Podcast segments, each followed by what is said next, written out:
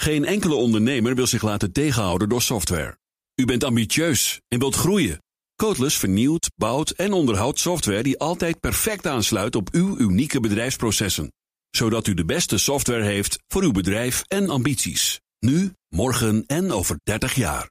Kijk op slimsoftwarenabouwen.nl. BNR Nieuwsradio. Kees Dorrestein en Liesbeth Staats. Ook Nederland moet meebetalen aan de klimaatschade wereldwijd. Dat is de oproep van de zuidelijke landen aan premier Rutte vandaag op de klimaattop in het Egyptische Sharm el-Sheikh. Ook in de coalitie in Den Haag klinkt die boodschap. En dus ook bij regeringspartij D66. En in onze Haagse studio zijn daarom Alexander Hammelburg, Tweede Kamerlid voor die partij. En politiek verslaggever Sophie van Leeuwen. Goedemiddag allebei. Hey, dag Liesbeth. Goedemiddag. Ja, Sophie, jij hebt uh, Mark Rutte gesproken voor zijn vertrek nog naar Sharm el-Sheikh, naar die top. Ja. Um, ja. Trekt hij zijn portemonnee al? Nou, nog niet hoor, Lisbeth. Hij staat nog niet helemaal te springen voor uh, dit miljardenplan.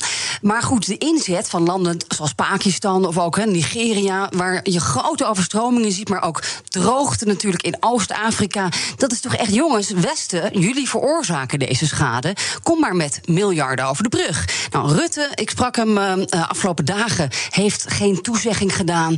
Toch is hij nog wel optimistisch over deze top. En hij lijkt wel de enige te zijn. Ik denk dat het kan slagen.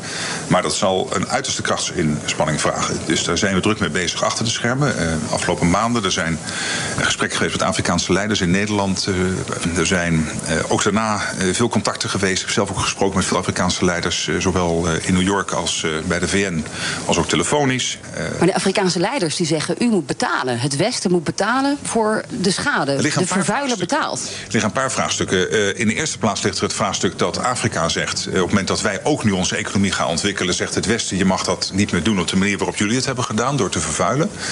Um, en om dat probleem op te lossen en meteen ook een, een energietransitie in Afrika mogelijk te maken, dat vraagt ook uh, financieel ondersteuning. En Nederland is bereid eraan bij te dragen. Ook die schade ook, van. Ik maak hem even de vorige vraag, anders wordt het rommelig. Waarbij natuurlijk in Nederland bijzonder ook kijkt naar het vraagstuk van klimaatadaptatie, omdat we er heel veel kennis over hebben. Maar ze willen ook nog schadevergoeding. Misschien 300 of tot 600 miljard van het Westen. Is Nederland bereid om te betalen? Nou ja, dit, dit soort bedragen zijn natuurlijk enorm. Maar op zichzelf, dat Afrika zegt: luister, er is geld nodig voor die klimaattransitie, zodat wij een ontwikkeling kunnen doormaken die het Westen eerder heeft doorgemaakt, die snap ik. Dat men zegt er is ook gewoon bestaande schade die moet worden opgeruimd, snap ik ook. De bedragen die erbij genoemd worden, daar zijn we het natuurlijk niet meteen over eens. Zegt Mark Rutte, nou, hij is, hij is inmiddels in Egypte op die top. En hij zegt ook: we moeten niet gaan stapelen met al die plannen, laten we het niet te ingewikkeld maken. Maar er is veel frustratie daar natuurlijk. Um, de komende twee weken alle grote koppen bij elkaar. En ja, wie gaat die rekening betalen? En Alexander Hammelburg, wat zegt Mark Rutte nou eigenlijk? Hoe, hoe verstaat u hem? Ja, ik denk dat hij nog niet helemaal doorheeft dat we al deels de weg die weg zijn ingeslagen. We hebben al, uh, we hebben al heel veel investeringen extra vrijgemaakt voor ontwikkelingssamenwerking, waaronder ook uh, humanitaire noodsituaties. Mocht er iets gebeuren dat klimaatgerelateerd is, denk bijvoorbeeld aan de overstromingen in Pakistan, dan staat Nederland dus al met een flinke pot met geld klaar. Maar wat hier gebeurt, het is eigenlijk eerder de fundamentele vraag die het globale zuiden, zoals we dat dan noemen, de Afrikaanse landen uh, of de ontwikkelingslanden, zoals sommige mensen ze noemen, landen in ook nog wel Zuid-Amerika en, en Azië, die zeggen eigenlijk van ja, het is allemaal leuk en aardig, maar wij mogen nu niet ontwikkelen volgens de afspraken van Parijs, omdat jullie in het verleden uh, het klimaat uh, hebben veranderd. En daar zijn wij ook nog eens de dupe van. En de grootste delen van de schade die komen ook nog eens bij ons terecht. Kijk bijvoorbeeld naar de Sahel of regio's de tropen, waar ontzettend veel extra regen valt. Uh, waar je veel meer overstromingen hebt. Dus zij zeggen, joh, Westen, deze fundamentele discussie, die moeten we nu eerst gaan voeren. En daar hoort ook een financieel plaatje maar bij. Vindt u dan dat zij die kolencentrales wel aan mogen zetten? Want wij doen het inmiddels ook. Nee, ik vind dat ieder land met een goed plan moet komen om die transitie te maken. En dat zegt Mark, Mark, Rutte natuurlijk ook wel. Ik vind ook dat Nederland en de rijkere westerse landen daaraan moeten bijdragen. Dat is niet alleen maar zomaar andere landen steunen. Het gaat ook echt over hun veiligheid, maar ook over onze veiligheid. Het vraagstuk is eigenlijk heel simpel. Accepteren wij dat de zeespiegel met anderhalf tot twee meter stijgt? Of willen we, vinden we het oké dat het met vijf meter stijgt? Want hm. dat is wel het risico dat we hiermee lopen, ook hier in Nederland. Dus het is echt gewoon een vraagstuk dat globaal is, dat we globaal moeten aanpakken. Maar, maar even nog over dat geld, hè? want er ligt al een zak geld. Eerder was afgesproken uh, bij, de, bij een vorige kop dat er bijna 100 miljard euro ingezameld zou worden voor klimaataanpassing, zoals bouwen elders. Dat bedrag is nog niet helemaal bij elkaar. Maar wat is er nog meer nodig? Is dat in geld uit te drukken? Ja, want die, die, kijk, eh, nou, dat, is dus, dat is dus nog onduidelijk. Wat, wat die 100 miljard behelst, is eigenlijk twee dingen: uh, adaptatie, klimaatadaptatie en klimaatmitigatie. Adaptatie betekent gewoon zorgen, wat wij hier in Nederland ook doen, de dijken verder ophogen, zodat we met hogere rivierstanden, waterstanden om kunnen gaan.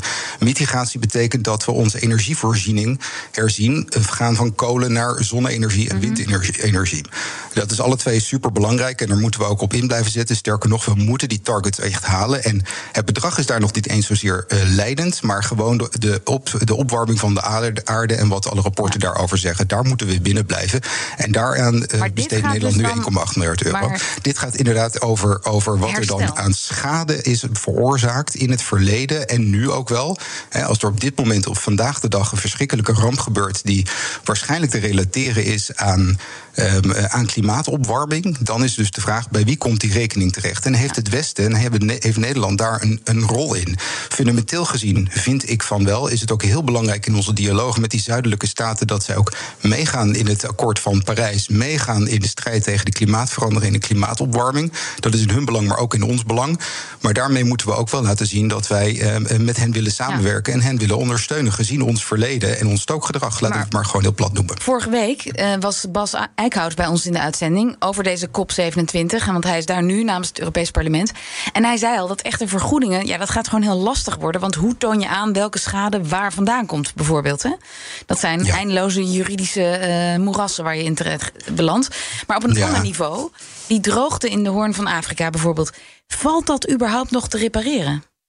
Nou, dat, dat is precies de vraag. Een heel groot deel, helaas, van die klimaatopwarming en de resultaten, de consequenties daarvan. Ehm, nee, die kun je niet meer repareren. Die zijn permanent. Die zul je aan moeten adopteren, moeten aanpassen.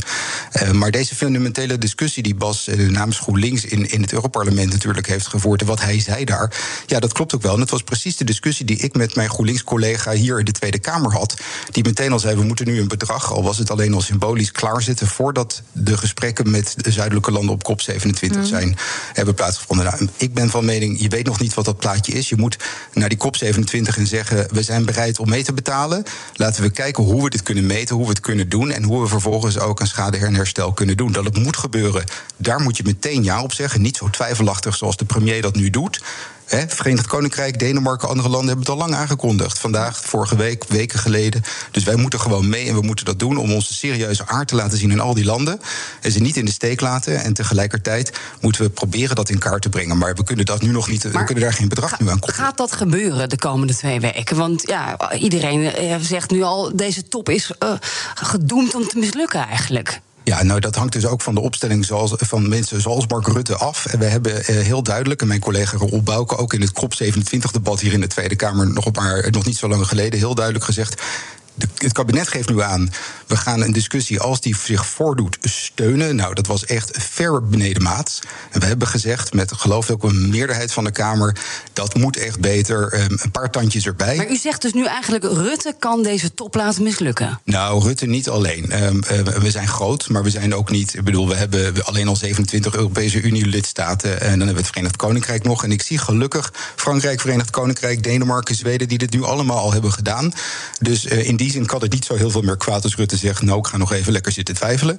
Uh, maar ik zeg, kom op Mark uh, aan de bak... En, en gewoon meegaan met het Verenigd Koninkrijk en Frankrijk. Want linksom of rechtsom, uh, de discussie vindt plaats. En we hebben echt, ook geopolitiek gezien... ook als het over onze eigen veiligheid gaat... maar zeker als het om klimaatopwarming gaat... echt een heel groot belang erbij dat deze COP27 slaagt. Ja. en dan is zo'n afwachtende houding... zeker naar die zuidelijke landen eigenlijk ook een beetje gevaarlijk. En van herstel ook nog even de blik op de toekomst. Um, ja, er is ook goed nieuws, hè, want, zou je kunnen zeggen. Want er komt een deal tussen Nederland en Oman. En dat zou gaan om een woestijn vol zonnepanelen. Hoe zit dat?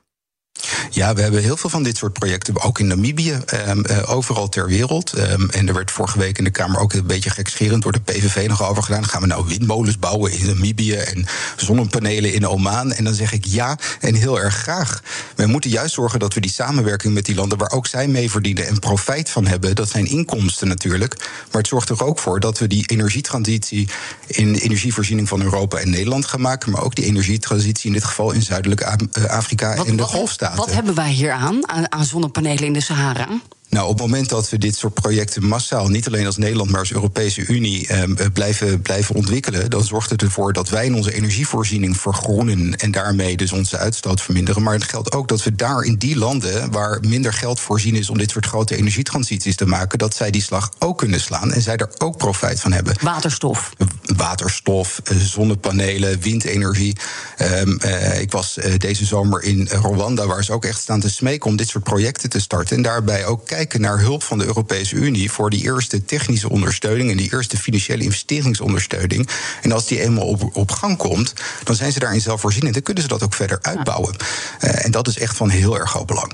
Maar meneer Hammelburg, nu heeft het kabinet in oktober een brief eruit gestuurd waarin gezegd is in 2025 verhogen we onze klimaatsteun naar ontwikkelingslanden naar 1,8 miljoen, uh, miljard euro per jaar. Terwijl er eigenlijk al in Glasgow afgesproken is tot 2025 het hele Westen 100 miljard per jaar. Is dit bedrag niet veel te symbolisch? Nee, dat, nou, dat is wel de vraag die ik ook heb gesteld. We hebben dan in de Kamer over wat is onze fair share? Wat moeten wij als Nederland gezien ons nationaal inkomen bij en ook ons verleden bijdragen aan deze grote opgave? Nou, dan kom je wel aardig in de richting. Er zijn ook NGO's die hebben berekend dat het 2,3 of 2,4 miljard moet zijn. er zijn wel wat discussies over het bedrag. Um, maar 1,8 miljard is echt een goede investering. Um, waarbij we ook zeggen, en dat vind ik wel heel erg terecht. Niet alleen vanuit de overheid, maar ook vanuit het Nederlands bedrijfsleven. Eh, de grote bedrijven. We moeten er met z'n allen onze schouders onder zetten. In dit met z'n allen doen. En dan is 1,8 miljard echt al uh, een hele goede stap. Ik zou zeggen, echt een flinke stap zelfs. Er zijn landen die dat bij lange na niet halen. Kijkt u mij diep in mijn D66-hartje. Uh, ja, had het nog iets meer mogen zijn? Misschien wel. Maar we moeten ook keuzes maken. En ja, we hoorden net een, toch een beetje een voorzichtige Mark Rutte. Die top is nu aan de gang in Egypte. Wat hoopt u dat er uitkomt uit deze COP27?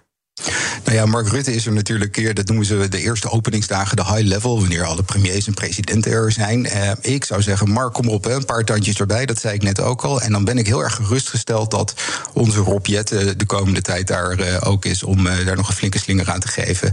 het Kaag ook. Dus, dus ik heb er vol vertrouwen in dat, dat, uh, dat we daar nog echt wel een tandje bij gaan zetten. Maar twijfel, ja, dat, dat kan eigenlijk niet. We hebben geen tijd om te twijfelen. We moeten echt aan de bak.